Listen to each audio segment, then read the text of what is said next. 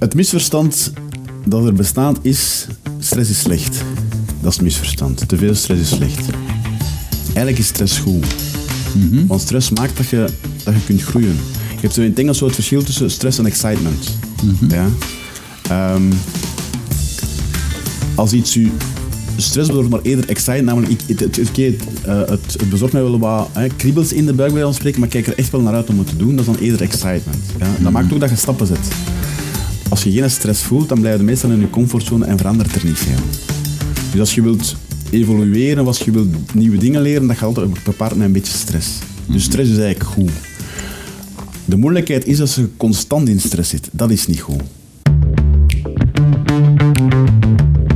Hallo, mijn naam is Peter Perceval. Welkom bij Keerpunt, een podcast over gewone mensen die buitengewone keuzes maken in hun leven.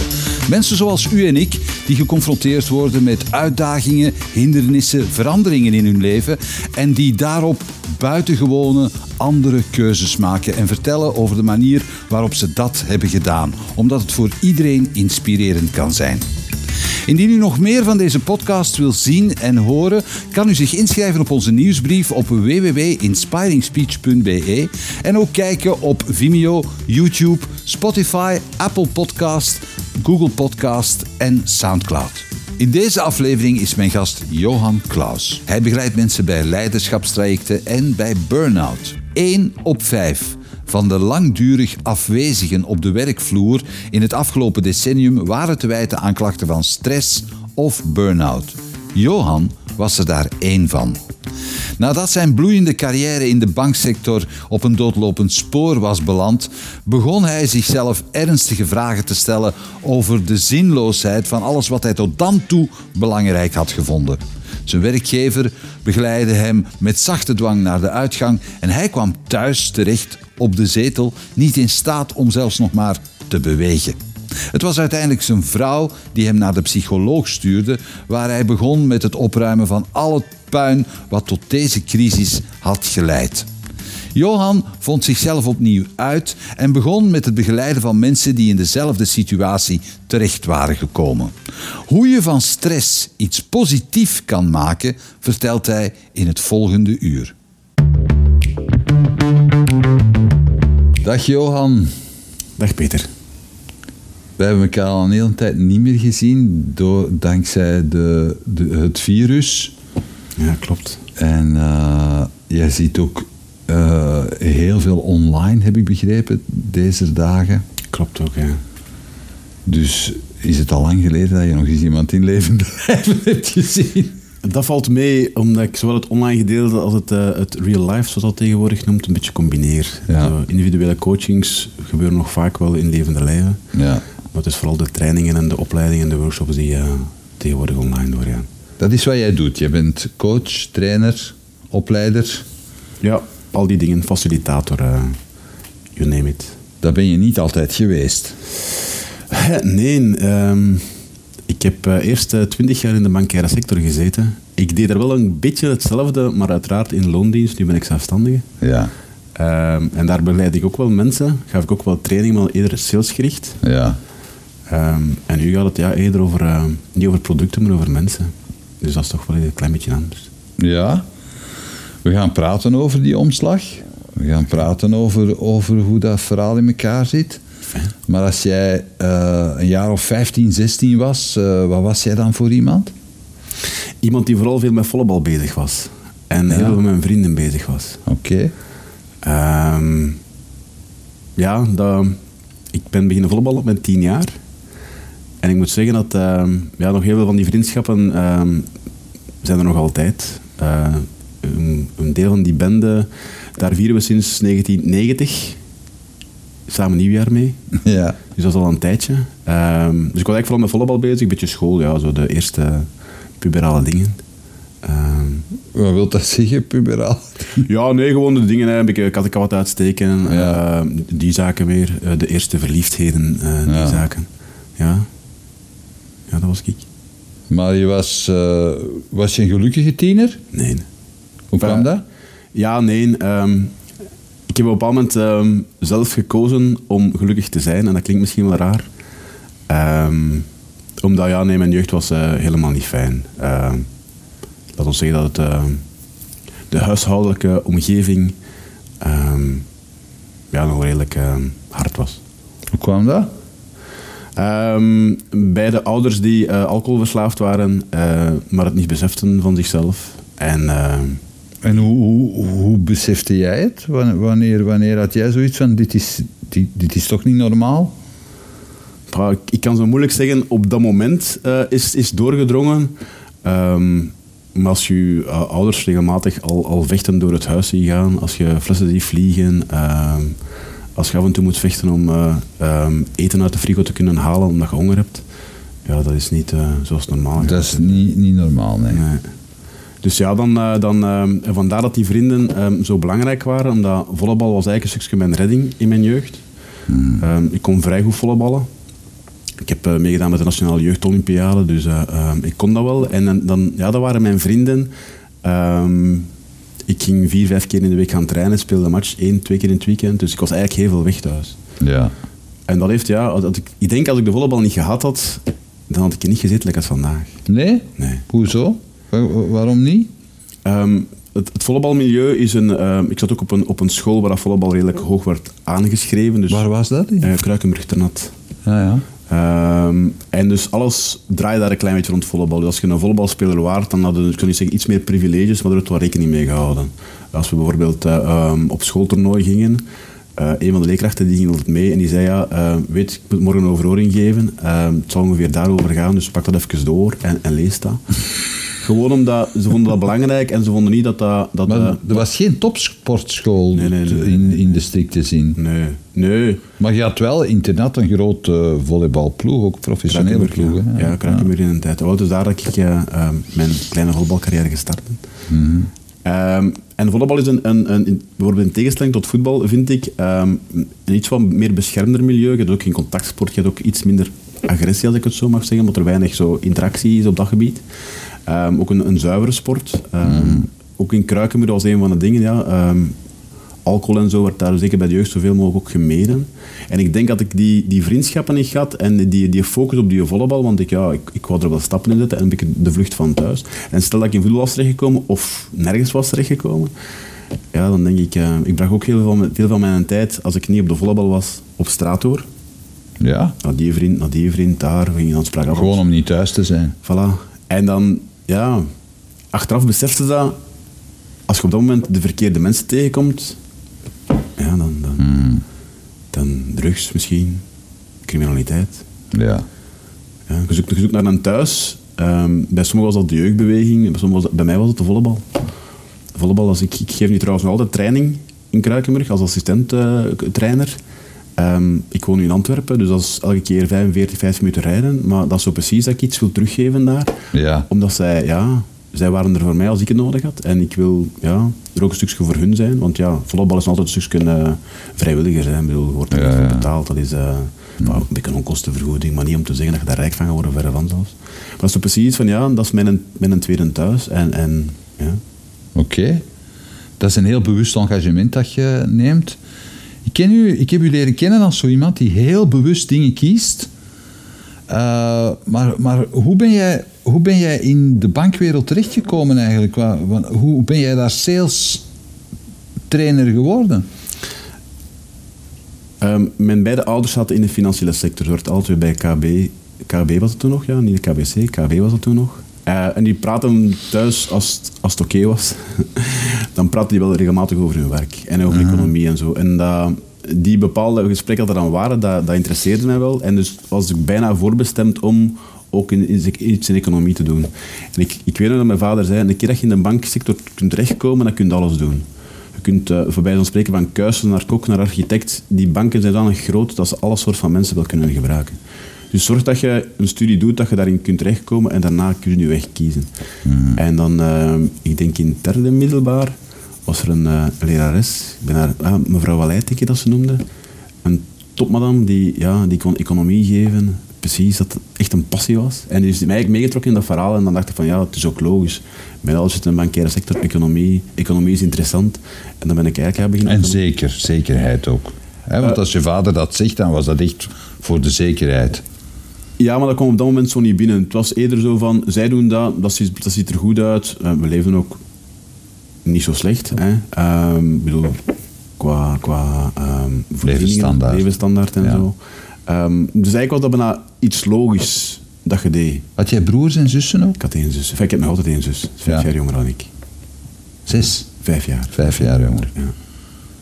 Had zij dezelfde beleving van wat er thuis gebeurde? Of, of uh, ging dat daarna voorbij? Uh, nee, nee. Uh, die had er nog iets intensiever, omdat dat is dat gradueel opbouwt. En tegen dat ik eigenlijk naar de universiteit ging, de hogeschool, Ezel was dat toen, um, was ik nog meer weg. Want ja, naast de volleybal was het nog het universiteitsleven. Hè. Um, en dan was zij eigenlijk nog meer alleen thuis dan vroeger. En voor haar was dat eigenlijk een soort van, uh, ja, ik denk bijna een hel. In die zin dat, ja, ons vader was op bepaalde momenten niet meer thuis. Ja. Dat was, hij deed werk en café, dat was vertegen dat hem deed. En dan s'avonds kwam hij dan thuis. Maar mijn zus was heel vaak alleen met, met mijn mama. En, en ons, ons mama, die, die, ja, ik zou niet zeggen dat moment zo zot is geworden, maar die is helemaal zich gaan beginnen verliezen in een drank. En die heeft eigenlijk een stuk mijn zus gebruikt als klankbord, als, als, als, als hulp, als... Ja, eigenlijk... Klaagmuur. Ja, als, als reddingsboei. Als, Mm. dus, ehm, en mijn zus heeft daar echt wel uh, um, psychologisch wel enorm van afgezien. Ja. En zij is dan ook, uh, net voor haar 18e verjaardag, is die, is die thuis vertrokken. Ja. Dus ik woonde nog thuis en zij was vertrokken. Want ze zei, ja, zegt ze, jij zei hier nooit. Dat was niet verwijtend, maar je zei hier nooit. En ik pak alles binnen en ik heb daar geen zin meer in. En ik had bij haar een druppel die de emmer deed overlopen, als ze dat mooi zeggen, was het feit dat op een bepaald moment ons, ons moeder tegen haar zei onze Johan mocht gaan studeren, maar jij moet niet pijlen dat je gaat studeren. Hè. Jij gaat Oh. gewoon gaan werken. Ik weet niet wat in een zatte bui was, of wat in een helder moment was. We spreken hier nu toch over jaren tachtig of zo? Ja, absoluut. En dan heeft men dus gezegd, oké, ja, dit, uh, dit, dit, dit, lukt niet meer. Ja. Dus vertrokken. Heb je ouders ooit hulp gezocht daarvoor? Waren ze bewust van het feit dat dat, dat, dat de spuigaten uitliep? Nee? Leven ze nog? Nee. Okay. Ons mama is gestorven in 2007 en ons vader in 2009. Oké. Okay. Hebben we nooit over kunnen, kunnen praten en zeggen van... Beseffen jullie wel wat je, wat je uitstak? Um, op mijn achttiende um, is ons vader een jaar weg geweest. Mm -hmm. Hij heeft een jaar achteraf hebben we dat dan gehoord, bij zijn zus gewoond. En dat was eigenlijk dan, was mijn, on, ons mama en mijn zus en ik... In het begin ging dat wat moeilijk, maar na verloop van tijd hadden we zo'n beetje onze draai gevonden. Onder onze drieën. Um, en dat was eigenlijk een hele fijne tijd. Um, dat is ook precies van, allee, we kunnen ook nog gelukkig zijn.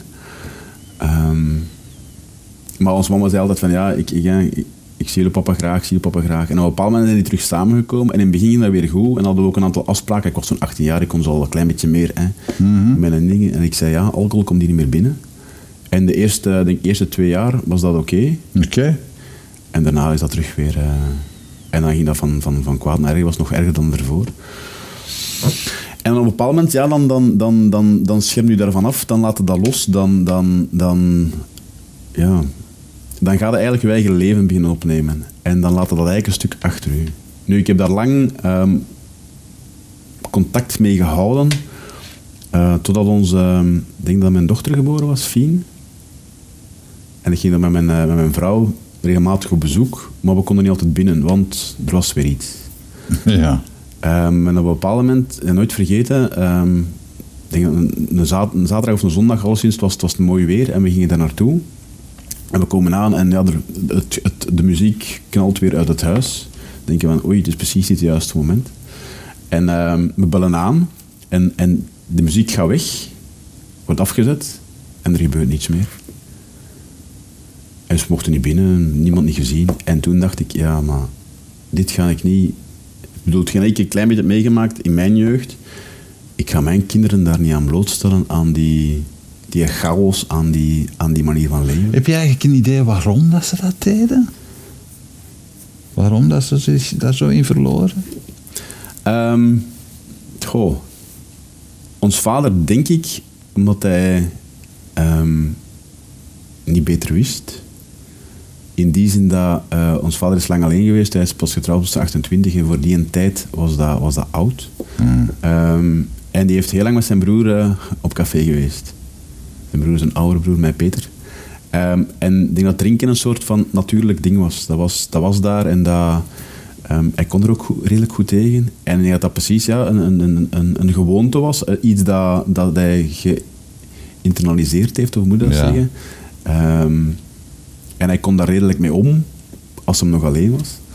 Ehm, en dan, als, als ze in het begin dat hij samen was met ons moeder, denk ik dat dat, dat, dat, dat, dat nog ging. Anderzijds, als ze, als ze gedronken had en stond hem niet aan, had hem ook heel veel driftbuien en zo. Dus dat...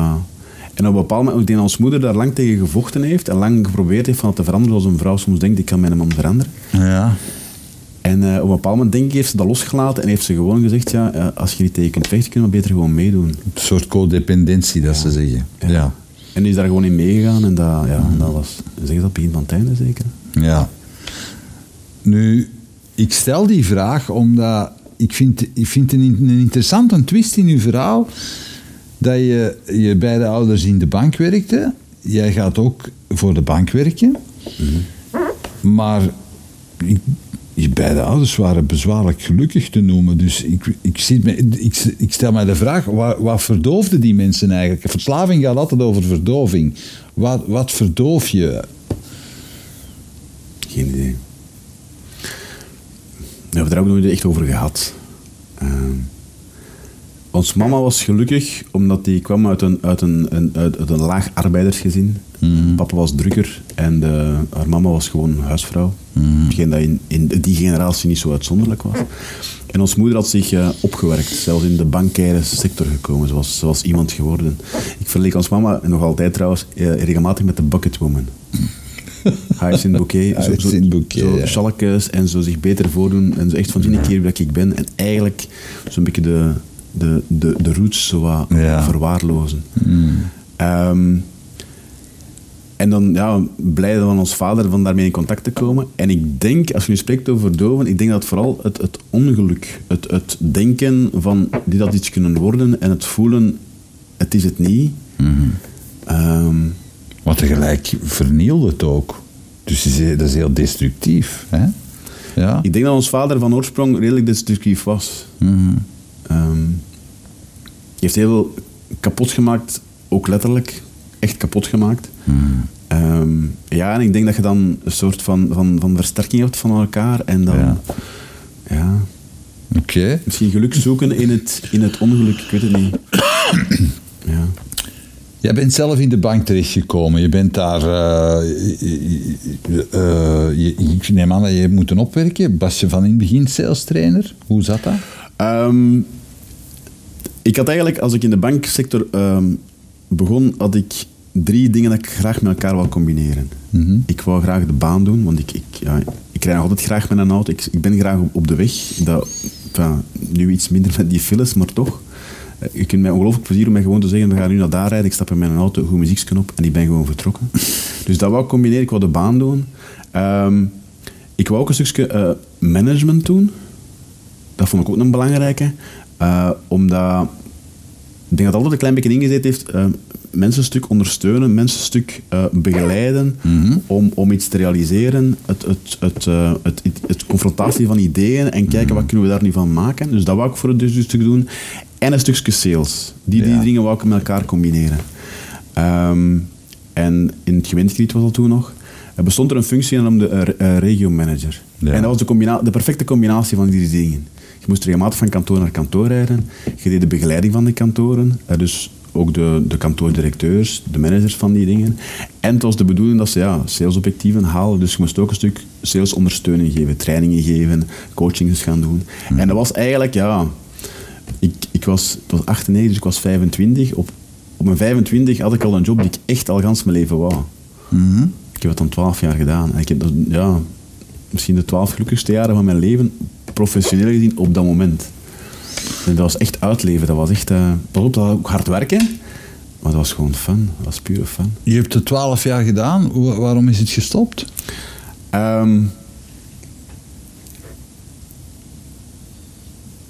na, na 12 jaar, eh, moet ik het zeggen, nee, was het voor mij wat tijd voor iets anders. Ik werd ook al 12 jaar binnen dezelfde ehm, afdeling. Ja. Ehm, waren wel, wel, wel, wel- wel wat veranderingen, maar dat was redelijk stabiel. Ehm, en ik had wel het een en ander eh, gepresteerd. Om duur was ik zo van, als er iemand wegviel, pak ik die zone over. Ehm, en dus ik had wel wat kwaliteiten. En op een bepaald moment was de vraag gekomen vanuit Brussel ehm, om, om ja, mijn capaciteiten, hoe dat ik het ook zeggen, om eens te kijken of ik daar centraal niks kon mee doen. In de hoop eventueel van, van, van daarin door te gaan. En dan heb ik twee of drie jaar met een, met een, met een commercieel ehm, project bezig geweest. Eigenlijk terug ter ondersteuning van de kantoren. Uh, omdat in die tijd was het zo moeilijker om nog klanten in de kantoren te krijgen. En dat was eigenlijk een manier dat we aan het zoeken waren van oké, welke meerwaarde kunnen we bieden als bank naar de klanten? Dat we ze niet meer te zagen, wilden niet komen, wilden niet komen, maar dat we eigenlijk samen met de klanten een soort van project gaan maken van oké, waar willen wij je ondersteunen, op welke momenten gaan we je contacteren om dat mogelijk te maken. Dus met zo'n project was ik dan bezig in, uh, in Brussel. Dus ook weer iets, iets commercieel ondersteunend, dat ik ook heel, heel tof gevonden heb en heel graag gedaan heb.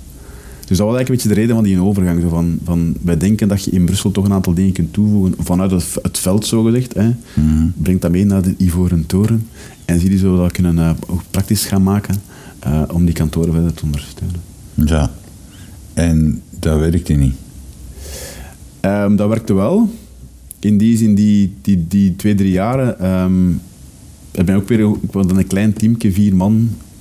Met onze vier hebben we eigenlijk dat project ja, twee, drie jaar mee bezig geweest. En regelmatig moeten uh, veranderen, omdat het management veranderde af en toe van gedacht. Ja. Dus er was een enquête binnengekomen. Ah, we gaan toch wel moeten switchen. Ja, maar ja, we staan eigenlijk bijna klaar. Ja, maar nee, we gaan het toch anders doen. Oké, okay, van de tafel terug her beginnen. Dus dat was eigenlijk wel heel fijn. Um, ik heb me daar enorm geamuseerd. En dan ben ik naar Project Office gegaan. Ook een aantal projecten uh, gedaan. Um, ook weer een combinatie tussen commercieel wat IT erbij. En op een bepaald moment werd mij gevraagd om de, een... Um, de, de afdeling te gaan leiden um, rond um, betaalautomaten en uh, het ganse het immobiliënconcept. Iets dat heel ver van mijn bed lag. Echt, okay. ik uh, dacht van ja, misschien is dat is, is een keer een andere kijk binnen de bank, dat gaat wel leuk zijn. En dat vond ik ook wel fijn. De moeilijkheid daar was, mijn baas had mijn job ervoor gedaan, dus die was eigenlijk doorgegroeid en ik pakte zijn plaats in. En die zijn een baas had eigenlijk die ploeg dat ik aan het leiden was ook geleid.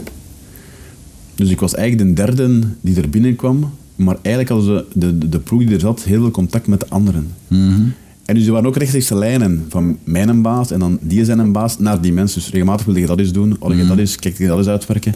En voor mij was dat heel moeilijk om daartussen te zitten, want ik moest het opvolgen, ik moest het begeleiden, maar ik, ik was heel vaak niet betrokken bij de originele vraag. Mm -hmm. En dat, dat duur werd dat moeilijk. Um, voor mij dan, om, om mijn plaats daarin te vinden. Ik moest dan leiding geven, maar ik had niet alles in de handen. Um, ik had af en toe het gevoel van zo, zo wat gecircuiteerd te worden, uh, overruled te worden. Mm. En dat was niet fijn.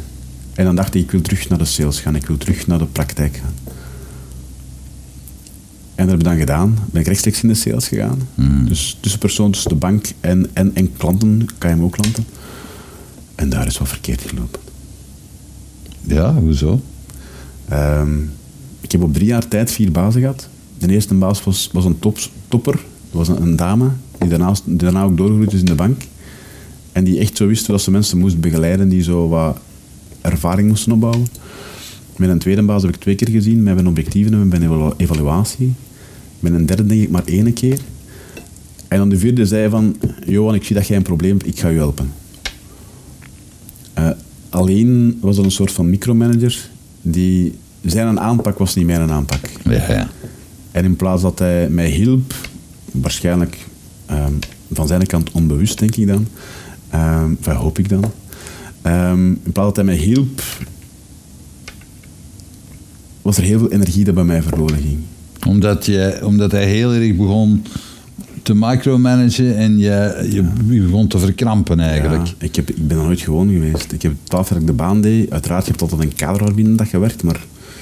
Ding... Maar was dat dan die, die, post daarvoor? Want je zei net van, ik had in die, die post daarvoor had ik ook uh, mensen boven mij die die job gedaan hadden waar ik toen zat. Mm -hmm. En die heel erg ook uh, in mijn vaarwater kwamen en die eigenlijk ook micromanagen wat jij aan het doen was.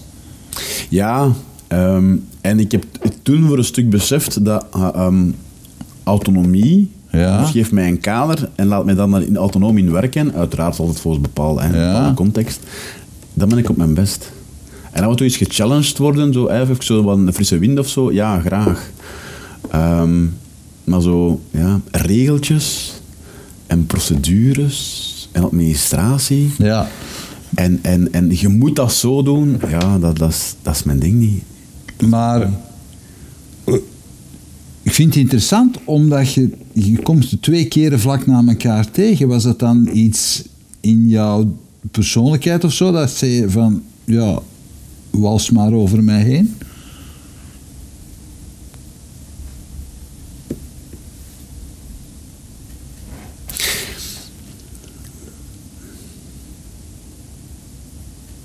Dat weet ik eigenlijk niet. Ik, ik denk het niet. Ik moet zeggen dat de, buiten de laatste jobverandering waren de vorige niet echt bewuste keuzes, maar eerder gevraagd worden. Ehm, en dat dan bespreken en dan denken van ja, ik, ik denk wel dat ik daar iets kan in betekenen. Ehm, misschien zonder de volledige context of de volledige dingen eh, goed mee te, te bespreken of goed, goed uit te dokteren. En eigenlijk zo meer zo go with the flow. De laatste was een, een heel bewuste eh, keuze van ik wil terug naar de field, ik wil terug mijn vrijheid voor een stuk gaan krijgen.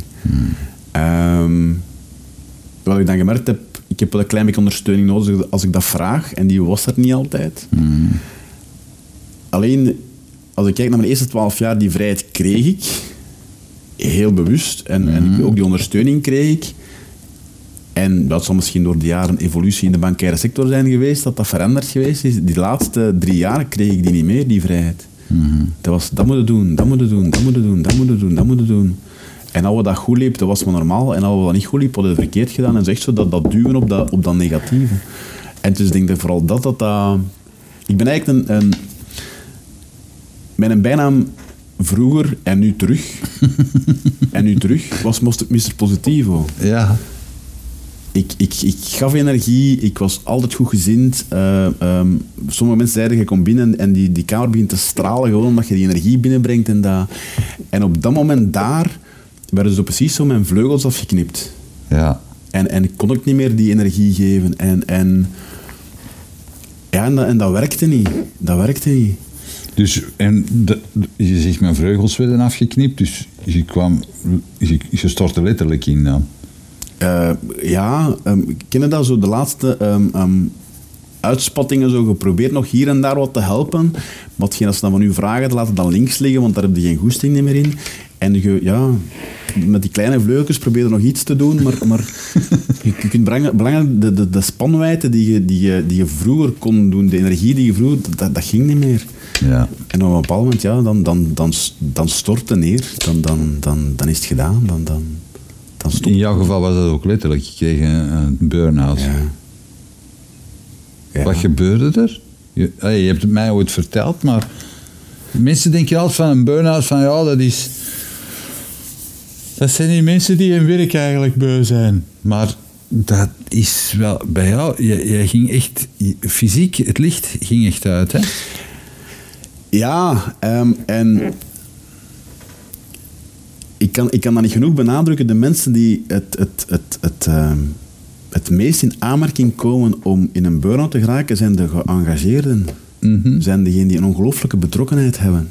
En die op een bepaald moment eh, de balans tussen, tussen hard werken en rusten uit het oog verliezen. En bij mij was dat zo. Ehm, dus dat zijn niet de, de, de luieriken, dat zijn niet degenen van, oh, kon ik hier wat extra congé pakken. En, nee, als ik soms iemand te zeggen, ik heb een burn-out gehad twee weken, dan denk je, nee, nee, je hebt geen burn-out gehad. Dat, dat, dat kan niet. Dat- twee weken een burn-out is geen burn-out.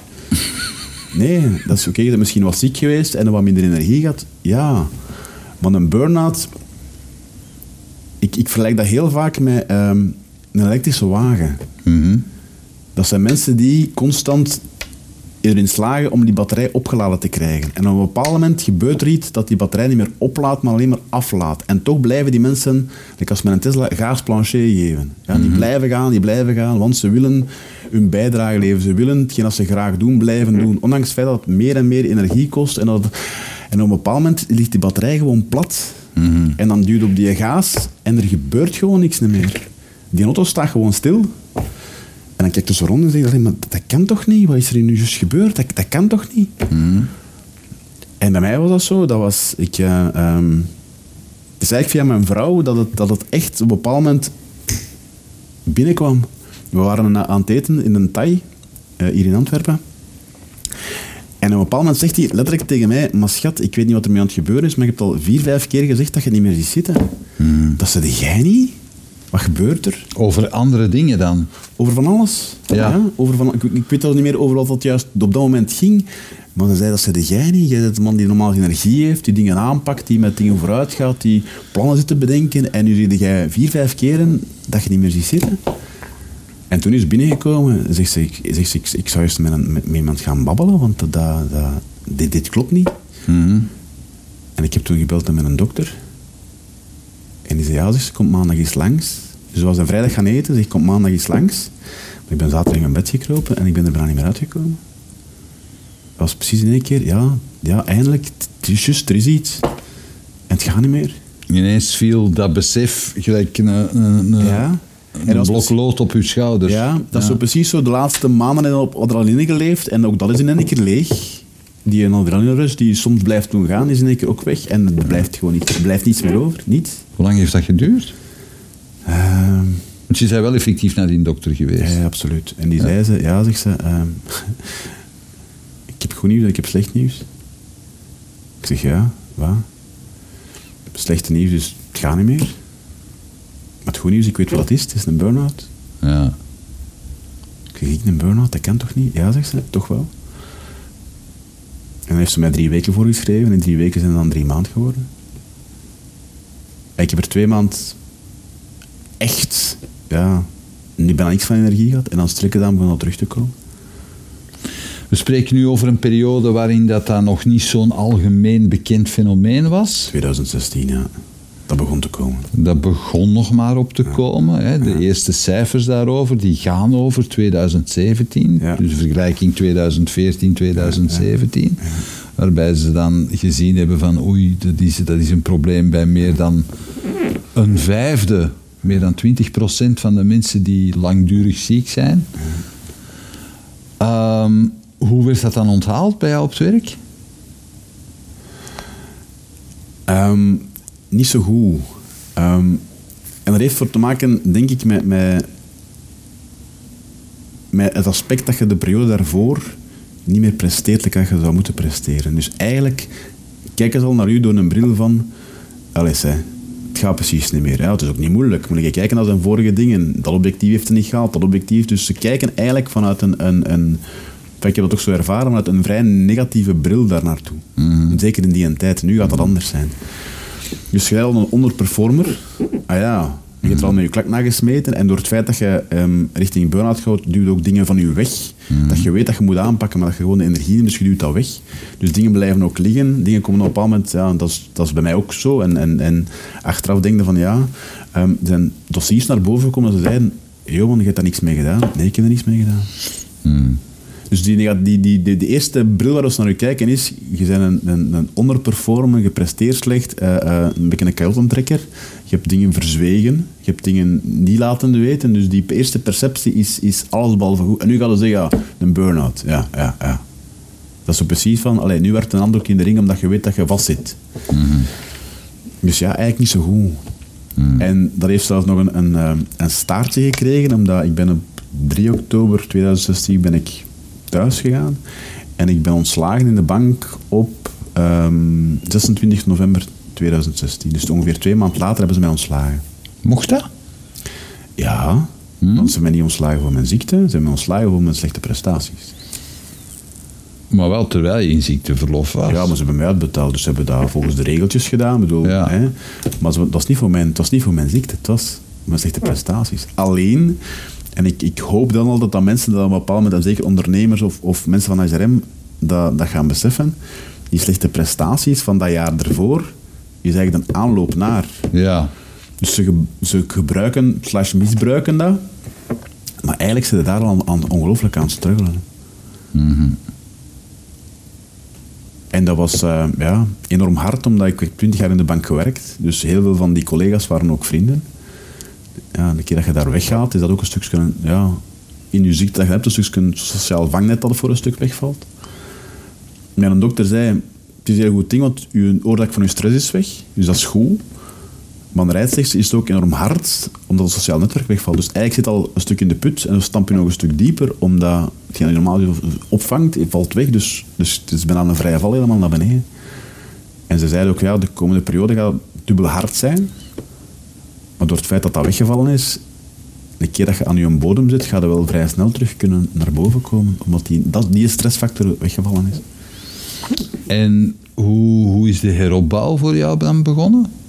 Wa- Wacht, eerst even een andere vraag. In, in de periode dat het echt heel moeilijk was voor je, wel, welke eh, rationaliseringen eh, had jij dan voor jezelf om dat toch vol te houden? Geen. Je, kunt niet, je, je denkt niet, hè, Peter. Maar je had, niet, je had geen gedachte van, ja, dat is normaal, want, of ja, ik Nee, moet... het eh, eerste stuk eh, ongelooflijke ehm, kwaadheid, omdat ehm, ik, had, ik had twintig jaar mijn leven gegeven aan de bank. ja. En, en het gevoel van, en nu worden gewoon met de vuilnis gezet.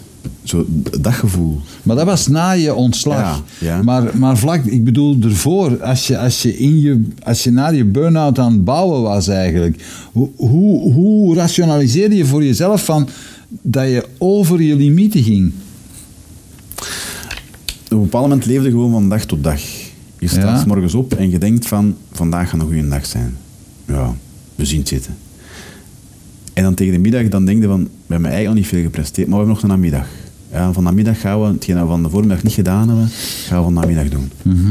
En dan, de keer dat vier uur is, denk je van, ja, het zal toch niet voor vandaag zijn, maar dat is niet erg. We gaan even, hè, we gaan vroeg naar huis gaan, we gaan goed slapen en morgen beginnen we. En dat was zo, vandaag niet maar morgen. Dat was zo de, de ja, het, het komt wel in orde. Plus, op een bepaald moment werden, ding- werden dingen aan mij gevraagd waar ik wel goed in was, dat ik nog wist uit het, hè, dat ik vroeger heel wat gedaan. En er was ook mensen aan het helpen. En dachten van, ik heb vandaag misschien niet gedaan wat ik moest doen, maar ik heb die toch geholpen. En die kan terug voort. En dat was zo'n soort van, eh, ja, dat is gezegd, rationalisering, uitleg voor jezelf van, het is nog oké. Het is nog oké. Maar ja, na, na, na een aantal weken beginnen te voelen, ja nee, je werk blijft, blijft alleen maar stijgen. En af en toe het meest dringende pakt eruit en dan, dan doe je dat toch. Dan denk je van oké, dat is weer van de baan, maar dat, ja... Het, eh, de, de energie daalt Ja. en het werk stijgt. En op een bepaald moment, ja, dat, dat, dat, ja dan stopt. Je zegt dan, ja, ik, ben, ik had het gevoel dat ik bij het groot vuil eh, gezet was. Maar, wat, wat, wat gebeurde er dan? Wat, wat- hoe ben je daar uitgeraakt? Wat, wat heb je daarmee gedaan? Op dat moment dat dat gebeurd is, was ik eigenlijk terug weer wat energie aan het krijgen. Dus dat was weer een, een doef. Eerst die kwaadheid, maar daarna terug ook weer die energiediep. Zo echt zo van... pff. Nu, de bank was zo fair geweest van... eh een keer dat je een bepaald aantal jaren dienst hebt, krijg je outplacement. Dus ik mocht outplacement gaan doen. Ehm, dus dat ze mij gegeven. Ehm, dus daar ben ik ook mee aan de slag gegaan. Maar er is ook met iemand gezegd van... ehm, ik weet het niet meer wie. Je zoekt best ook hulp om hieruit te geraken, uit die burn-out. Je begint dan wat te googlen en dan kom je bij Huis voor Veekracht. Dat is eh, de organisatie van, eh, van Elke van Hoof. En ben ik daar echt een burn-out coach geweest. En die heeft mij eigenlijk de, uitgelegd wat er gebeurd is. En dat, gewoon al dat inzicht van weten wat er al gebeurd is, dat dat, dat, dat eigenlijk een, een bijna normaal proces is dat je doorloopt als je de signalen niet kent. Ja. Ehm, en dan ook weten dat je daar op een, op een vrij simpele manier terug uit kunt komen dankzij een goede begeleiding. Ehm, dat heeft er mij voor een stuk doorgeholpen om terug weer die... Want terug energie te, te vinden, terug, terug te, te weten, oké ja, ehm, ik ben niet echt... Ik ben, niet, ik ben geen vuilnis. Wat was die simpele manier om eruit te geraken? Ja, eh, het klinkt soms te, te, te zot voor woorden. Eén, door te bewegen. Eerst rustig te bewegen en daarna terug wat energieker te bewegen. Dat, ja, uw, uw lichaam in beweging zetten creëert energie. Dat is like als met een dynamo, als je daar begint aan te draaien, Ja. dat creëert energie. Ehm, en twee, terug connectie te maken met de dingen dat je graag doet. En dat klinkt allemaal zo, ja, tuurlijk, ja, dat is toch logisch. Maar op die moment, ja, als je daar zit, heb je iemand nodig die je daarin begeleidt, omdat je het zelf niet kunt. Omdat je het zelf, die connectie voor een stuk verloren bent. Plus je kan ook zoveel gegeven hebben, je, le- je helemaal leeggegeven hebben, dat je eigenlijk ook niet meer weet wat je graag doet. Ja, dat klopt ook, omdat dat er gebeurt er iets in je hersenen. Je stukje de connectie met het verleden zitten voor een stuk kwijt. En door terug die, die ja, energie te gaan opbouwen, terug weer dat, dat brein door de juiste hormonen te laten produceren, dat wat te herstellen, kun je terug een stukje die connectie maken met oké, wat deed ik nu eigenlijk wel graag? Dat klopt. Dus dat is een bepaald proces dat je, dat je doorloopt, een, een, een- achteraf gezien, of ja, was het ook aan mensen uitlegt, een vrij eenvoudig proces. Ehm, maar dat maakt voor, voor mensen die daarin zitten een ongelooflijk groot verschil. En dan, dan ehm, ik, ik doe nu zelf ook die begeleidingen. Eh, de eerste keer als je iemand ziet binnenkomen, dan zie je zo iemand staan, bijna niks van energie, zo echt zo, ba- banana patatazak. En dan na, na een kleine maand staat er iemand anders voor die deur. Dat, die schouders zijn al wat rechter, dat is al wat energieker en, en je ziet dat. En dan, zo'n traject duurt drie à vier maanden meestal. Ehm, op, op het einde van het traject, dan gaat er iemand bijna lachen buiten. Hè.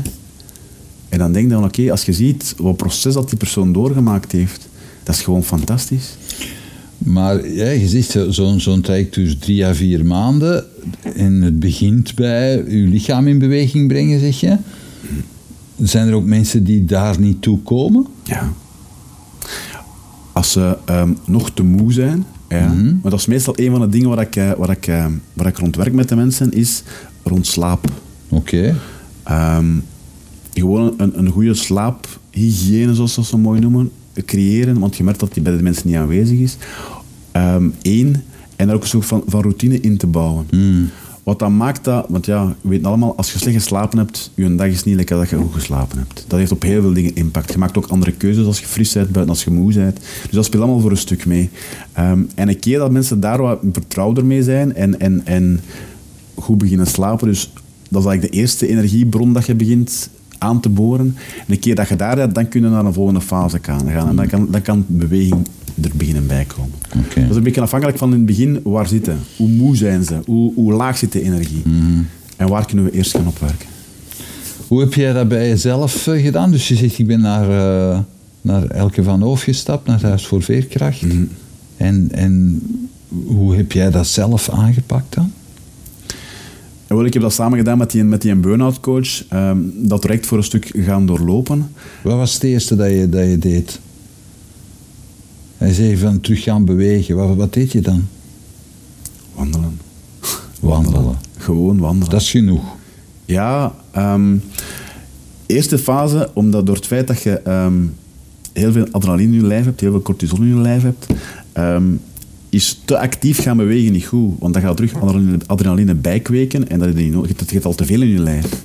Dus ik noem dat het ontspannen bewegen. Eh, hoe kunnen we dat weten als je aan het lopen of aan het lopen, of joggen is dat meestal niet echt lopen. Op het moment dat je nog kunt blijven praten, ja, of zingen, afhankelijk van hoe dat, of dat je het alleen doet of met, met, met verschillende mensen. Zolang als je echt op een rustige manier kunt blijven praten, dan zijn je eigenlijk rustig aan het bewegen. Ja, ja. En dat begint met wandelen. Dat begint met wandelen. En als je je wat beter voelt, kun je dat wat, wat gaan zwemmen. Of, of, of ja, sommige mensen afhankelijk van of ze daarvoor openstaan of niet, een beetje yoga doen. Dat kan ook voor een stuk helpen. Dus ook afhankelijk van hoe dat mensen in het leven staan en waar, dat hun, eh, waar hun interesses naartoe. Maar er zijn ook veel mensen die zeggen van ja, ik ben gestresseerd en ik heb, eh, ik, heb, oh, ik, ik heb geen energie, dus ik ga maar eens op vakantie. Ik heb vakantie nodig. Ik ga ik weet niet, drie weken aan het strand zitten of drie weken in de bergen of weet ik veel waar, waar dat, eh, what, whatever it takes you.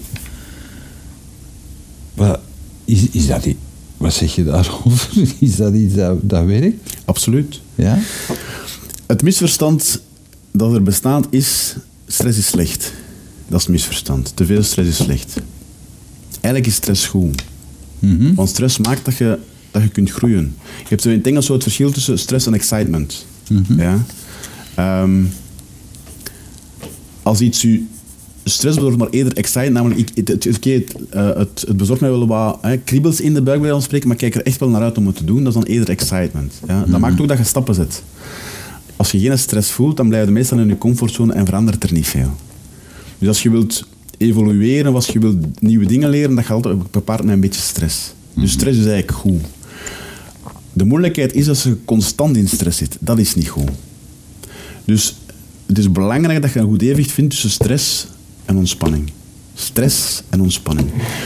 Ik geef dat voorbeeld regelmatig bij mijn klanten ook. Hè. Ehm, ik heb zo soms van die topondernemers, ja, en als je die, die, zijn altijd, die zijn altijd bezig. En die, en die beginnen van sport tot 7 tot, tot ze kot in de nacht. ja. Dat is hetgeen dat we zien. Maar heel vaak als je met die mensen gaat praten, die werken hard, maar die bouwen ook rustpauzes in. Soms het eerste uur van een dag, dat is hun uur. Dan zijn ze niet met hun mails bezig, zijn ze niet met... Nee, dan, dat is hun uur. Of over de middag pakken die een uurke tijd en dan doen die geen mails, geen vergadering, maar dat is hun tijd. Dus die bouwen rustmomenten in. Alleen zien we dat niet altijd. Ja, we zien hem wel vroeg toekomen, en dat is waar, en we zien hem laat vertrekken. Ja, mooi, die is druk, druk, druk bezig. Maar die mensen die dat zo lang volhouden, die bouwen rustmomenten in.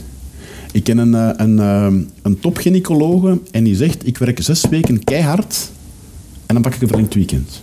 Ik werk zes weken keihard en dan pak ik een verlengd weekend. Dat is haar ritme om heel veel te geven en daarna... pff. Dus het is aan iedereen om die balans te vinden tussen veel geven, misschien wel wat stress, en rustmoment in te bouwen. Nu, ik raad niemand niet aan om zes weken en dan... Voor, ja, dat lijkt me inderdaad nou voor die, dame, ja. voor die dame werkt dat. En dat is oké. ja. Het is veel interessanter dat je regelmatig op kortere termijn wat rustpauzes inhoudt. Maar we zitten natuurlijk in een, in een, in een economie en in een, in een organisatie van het leven waarin er gezegd wordt van je moet dan gaan werken en je moet dan aanwezig zijn, allee, of, of online zijn en je moet dat en eh, op tussen die en die uren presteren en je moet vooral je moet dat presteren. Je krijgt ook lijstjes van wat dat je moet presteren.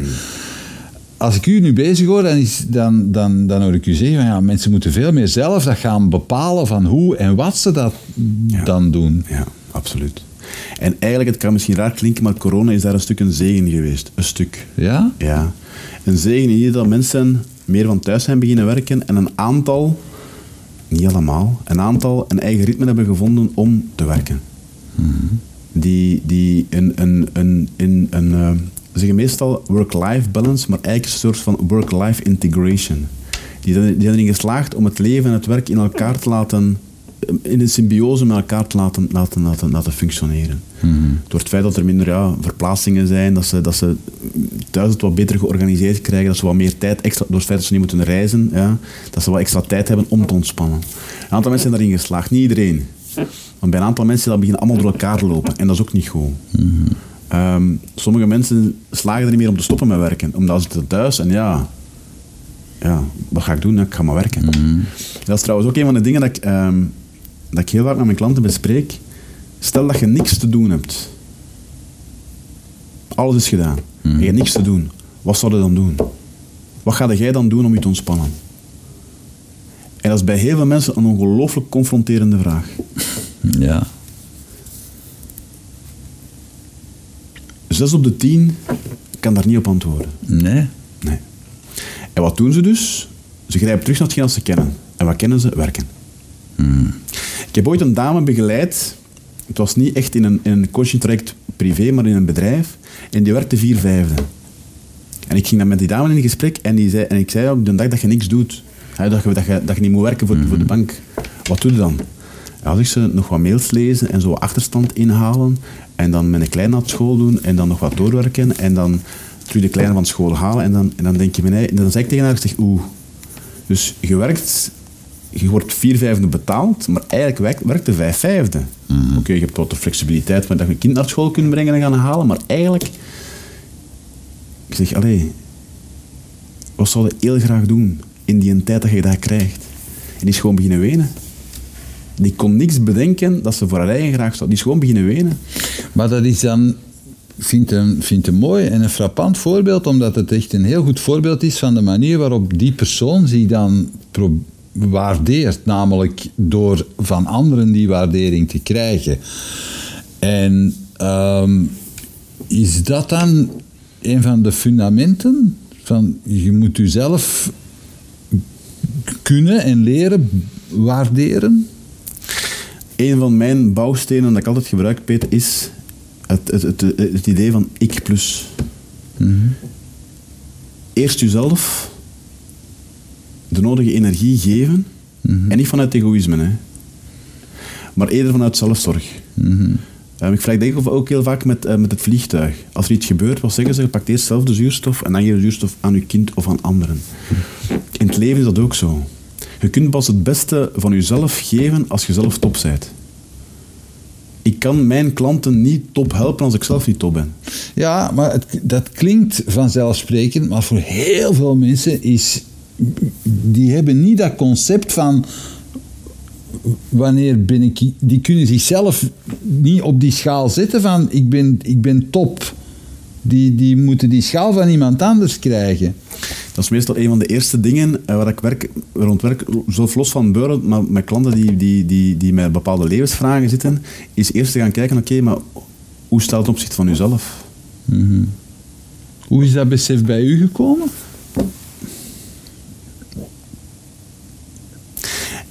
Eigenlijk op verschillende momenten.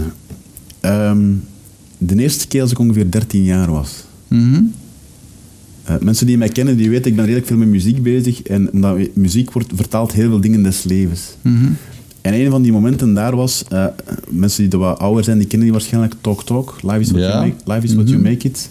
Op dat moment heb ik dat, die muziek gehoord en dan dacht ik, oké, in deze toxische omgeving waar ik hier zit, als ik het zelf niet ga doen, gaat het niet gebeuren. Dat was het eerste besef. Nu, na verloop van tijd heb ik dat een klein beetje uit het oog verloren, natuurlijk. Ehm, en als ik aan het recupereren was in mijn burn-out, nee, er is nog een één fase voorgekomen. Op een bepaald moment was ik niet gelukkig met mijn eerste vrouw. En toen is dat terug binnengekomen. Als ik zelf mijn geluk niet in handen pak, ja, ik was toen 35, ja, dan ga ik niet gelukkig zijn. En na mijn burn-out, als ik er aan thuis kom, nog eens van, ja, ik moet eerst voor mezelf zorgen. En ik heb, want we zijn juist gestart van, oké, hoe is het u een burn-out gegaan? Heb dat project gevolgd, ik heb wat energie gekregen, maar ik moet zeggen dat er nog een hoop issues uit het verleden waren die ook voor een stuk meespelen. Die zeggen ze, burn-out is dat puur werkgerelateerd. Ik zeg altijd, het is een stuk werk. ehm, en altijd een stuk privé zit daar ook wel bij. Dat kunnen onverwerkte trauma's zijn, dat kan een huissituatie zijn, soms ook wat gezondheid. Ehm, ik ben naar Thailand geweest voor zes weken en daar heb ik aan die trauma's gewerkt en daar heb ik beseft, ja, ik moet eerst voor mezelf zorgen.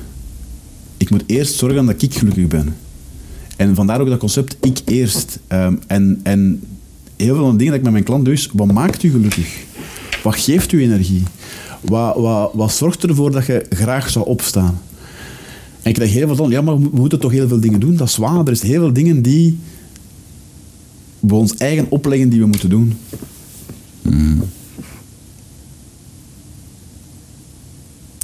De vraag is, willen we daarvoor kiezen of is er een andere mogelijkheid? En een van de dingen dat ik heel vaak doe met mijn klanten is eh, eh, mogelijkheden gaan onderzoeken. Wat kan er allemaal? En van al die mogelijkheden zijn, waar gaat u het best bij voelen? Waar ga jij het meest jij zijn? Omdat als je het meest jij bent, je het ook meest aan de anderen kunt gaan geven. Maar dat moment vraagt wel redelijk wat verantwoordelijkheid. Dus dat je echt zegt van, oké, ik ga dat nu echt in handen nemen. Ik vind de parallel die je neemt met de, met de relatie, vind ik heel, heel eh, frappant, omdat heel veel mensen in zo'n situatie, of sommige mensen in zo'n situatie, dan zeggen van, ja, maar ehm, ik... eh, eh, als ik uit die relatie stap, moet ik eerst een andere partner hebben. En dan zal, en dan zal het wel veranderen. Dus die leggen dat dan bij de partner. In plaats van zelf te gaan kijken, hoe moet ik dat veranderen? Dus dat is een... eh, hetzelfde gebeurt op een- in een werksituatie. Hè? Dus als jij zegt tegen iemand van, ja, je bent... wa- wa- Wat wilde echt graag gaan doen? Je onderzoekt dat. Dan is daarna de verantwoordelijkheid van, doe dat ook. Ja. Hoe, hoe duw de mensen die daar moeite mee hebben, hoe duwde die? In kleine stapjes. Ehm, je gaat niet onmiddellijk, ehm, een beetje afhankelijk natuurlijk welke vraag er binnenkomt, maar niet onmiddellijk aan dat grote ding beginnen. Je gaat eerst beginnen aan de kleine, de kleine gelukjes. De kleine dingetjes die energie geven. De kleine dingen waar je, waar je blij van wordt. En dan dus het laten voelen van ja, dat is waar, dat is eigenlijk, dat is eigenlijk wel veel, veel plezanter zo. En dan te gaan kijken, oké, kun je wel op een grotere schaal gaan doen of niet? En, en daar start het. En dat is niet voor, dat is niet iedereen weggelegd. Dat is niet iedereen... Zegt, hè, dus, dat is een van de nadelen van mijn job, vind ik. Ehm, je kunt inzichten geven. Je kunt met mensen ehm, verschillende palen in kaart gaan brengen. Je kunt samen onderzoeken welk pad dat voor hun het, het, het, het, het, ehm, ik zou niet het makkelijkste wou ik zeggen, maar dat gaat het, het meest aansluit bij wie dat ze echt zijn. En samen gaan kijken wat gaat, wat gaat maken dat het meeste kans is dat je die stappen gaat zetten. Dus zover gaat het al. Ehm, alleen, ja, we zijn allemaal, en dat, dat geef ik ook heel verantwoordelijk voor ons eigen leven. Ehm, life is what you make it. En ik weet dus altijd contexten die meespelen en gezondheid gaat dan niet altijd in de hand. En, en dat, dat weet ik. Zijn er mensen die afhaken op dat punt? Ehm, Die zeggen van, ja, maar ja. Ik was gewoon op zoek naar iemand die zei, ja, het is waar, het is erg. Ja, dat is bij mij van het verkeerde adres. Dat- dat- dat- Nu, het leuke is ook, Peter... enfin, het leuke... Been there, done that. Ja. Ik bedoel... ehm, ik ga even een parallel maken. We hebben er juist even over mijn zus gesproken. Mijn zus is vijf jaar jonger dan ik. Wij komen uit hetzelfde ge- gezin. En ik ben ervan overtuigd dat ze het de laatste jaren dat ze thuis woonde zwaarder heeft gehad als ik. Ik ben me daar bewust van. Absoluut. Ik heb nu het leven waar ik ongelooflijk van geniet. Ik doe een job dat ik graag doe. Ik heb een fantastische vrouw. Fantastische kinderen. Mijn zus is altijd aan het vechten. Is nog altijd aan het vechten tegen het verleden. Is nog altijd dingen, patronen aan het, aan het, aan het, aan het volgen waarvan ze denk ik weet dat ze niet gelukkig gaat worden en toch doet ze het. Wat is mij geluk geweest? Eigenlijk dat ja, twee keer mijn vrouw, mijn, mijn huidige vrouw. De eerste keer zaten we terug op hetzelfde restaurant. Ik denk dat we restaurant nog niet meer mogen gaan bezoeken. er is iets. Op een bepaald moment doet ze iets en ik begin te wenen en zegt, schat, wat gebeurt er? Ik zeg, je doet me denken aan ons moeder. Dan zegt ze, ja, maar ik wil je moeder niet zijn. Jij moet dringend met iemand gaan babbelen. Ik ben aan, de eerste keer naar een psycholoog geweest. Ik ben een jaar bij een psycholoog geweest. Die een burn-out, mijn vrouw zei, je al vijf, zes keer dat je niet meer aan ziet zitten. Je moet er iets aan doen. Ik heb dat in handen genomen. Ik ben aan een dokter geweest. Ik ben aan een eh, burn-out... Ik heb stappen ondernomen. Is dat dankzij mijn vrouw een stuk wel. Anderzijds is ook, ja, als ik wil dat er iets verandert, moet ik wel iets veranderen, moet ik wel iets, moet ik wel iets doen, moet ik wel iets... iets... En soms kunnen, heb je zelf die energie, of heeft er iemand u daarin supporteert. Soms is het iemand die u een bepaalde richting aanwijst. Alleen het is altijd hetzelfde dat je, dat je de stap dient te nemen. En dat kan niemand voor u, voor u in de plaats doen. Dat, dat gaat niet. Ehm, ik heb al heel veel gesproken met mijn zus. Ik heb al heel veel ook aangegeven wat ik allemaal gedaan heb. En ik, ik ben er eigenlijk ongelooflijk trots op. Ik ben een jaar bij een psycholoog geweest. Ik heb een burn-out coach gedaan. Ja. Ik heb placement gedaan. Ik ben zes, zes, zes weken naar Thailand geweest om aan mezelf te werken. In een, in een soort van, van, van gemeenschap. Omdat ik wist dat dat nodig was. En dat heeft gemaakt tot wie dat ik vandaag ben. En vandaag kan ik terug weer met volle overgave dingen geven aan iedereen. Alleen, I did the work. Sommige mensen, ja, naar Thailand, eh, ja, dat is niet voor iedereen weggelegd. Nee, dat is waar. Dat is waar. De klanten die bij mij komen, waren meestal vrij goede klanten. Die wel wat centjes hadden. Ik zei tegen hun, als je 2000 euro hebt, 2000, ja, en je kunt je zes weken vrijmaken, en als je een klein beetje rond wordt, meestal krijg je wat georganiseerd, het gaat het beste zijn- cadeau zijn dat je ooit gaat kunnen geven. Een aantal mensen zijn mij gevolgd. En die zijn daar naartoe gegaan. En dat zijn, die zijn al andere mensen teruggekomen. En andere mensen zeggen, ja, maar ik kan dat. En ik snap het ook, het is niet aan iedereen weggegeven. Het ding is van, wat, wat wil ik doen om de beste versie van mezelf te klonen? En ik weet dat denk wel redelijk ehm, utopisch, maar het gaat er eigenlijk wel over. Je loopt hier maar één keer rond op deze... Nu word ik echt wel eh, eh, heel enthousiast, gaat dat misschien wel voelen. Je loopt, hier, je loopt hier maar één keer rond op deze wereld. Ja. En ik heb ooit gelezen, maar als je het goed doet, is één keer genoeg. De vraag is, wanneer gaat het voor je goed zijn? En was zij er bereid om te doen wat het goed is? Mijn vrouw heeft ook in de bankaire sector gewerkt. En op een bepaald moment heeft de bankaire sector vaarwel gezegd en is ze voor de non-profit gaan werken. Verdient ze minder? Ja, absoluut. En een stuk minder. Maar nu, hetgeen dat zij nu bijdraagt, hetgeen dat zij vindt dat ze, dat ze aan, aan de wereld bijdraagt, is zoveel groter dan hetgeen dat ze deed in de bankaire wereld. Is dat een bewuste keuze? Ja, voor een stuk wel. Heeft dat een aantal consequenties? Alles heeft consequenties. Soms is het kiezen tussen ben ik gelukkig of leef ik comfortabel. De gouden kooi, iedereen kent ze. Ja, ja, tuurlijk.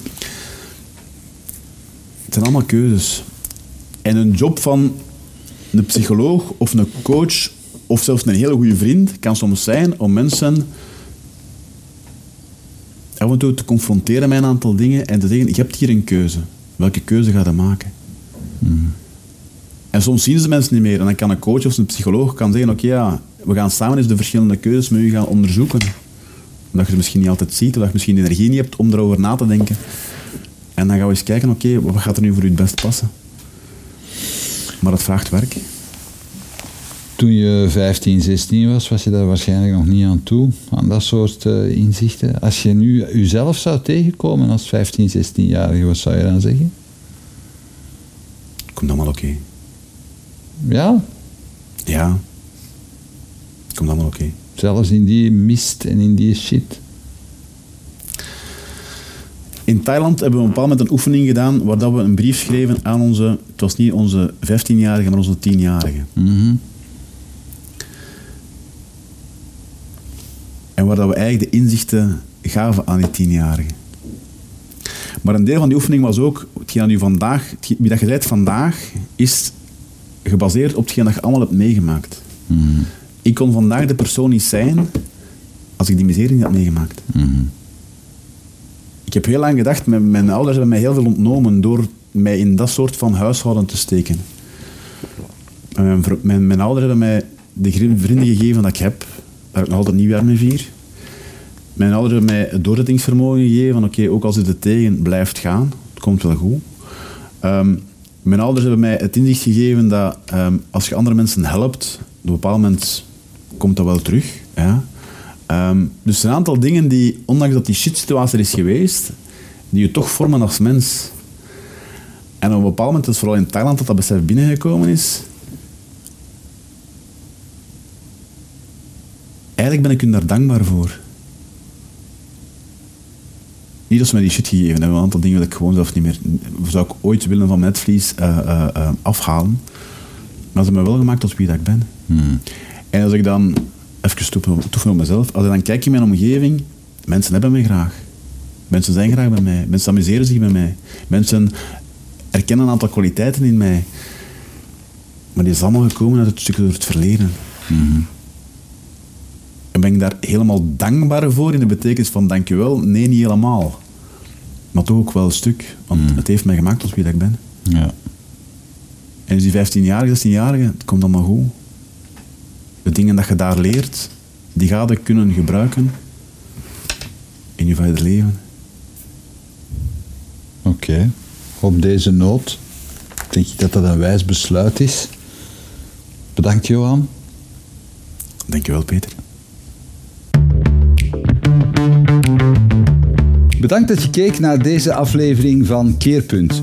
Wil je op de hoogte blijven van nieuwe afleveringen en nieuwe interessante gasten? Abonneer je dan op onze nieuwsbrief via www.inspiringspeech.be. Iedere twee weken brengen wij een nieuwe aflevering online op inspiringspeech.be, YouTube, Vimeo en Soundcloud. Tot ziens.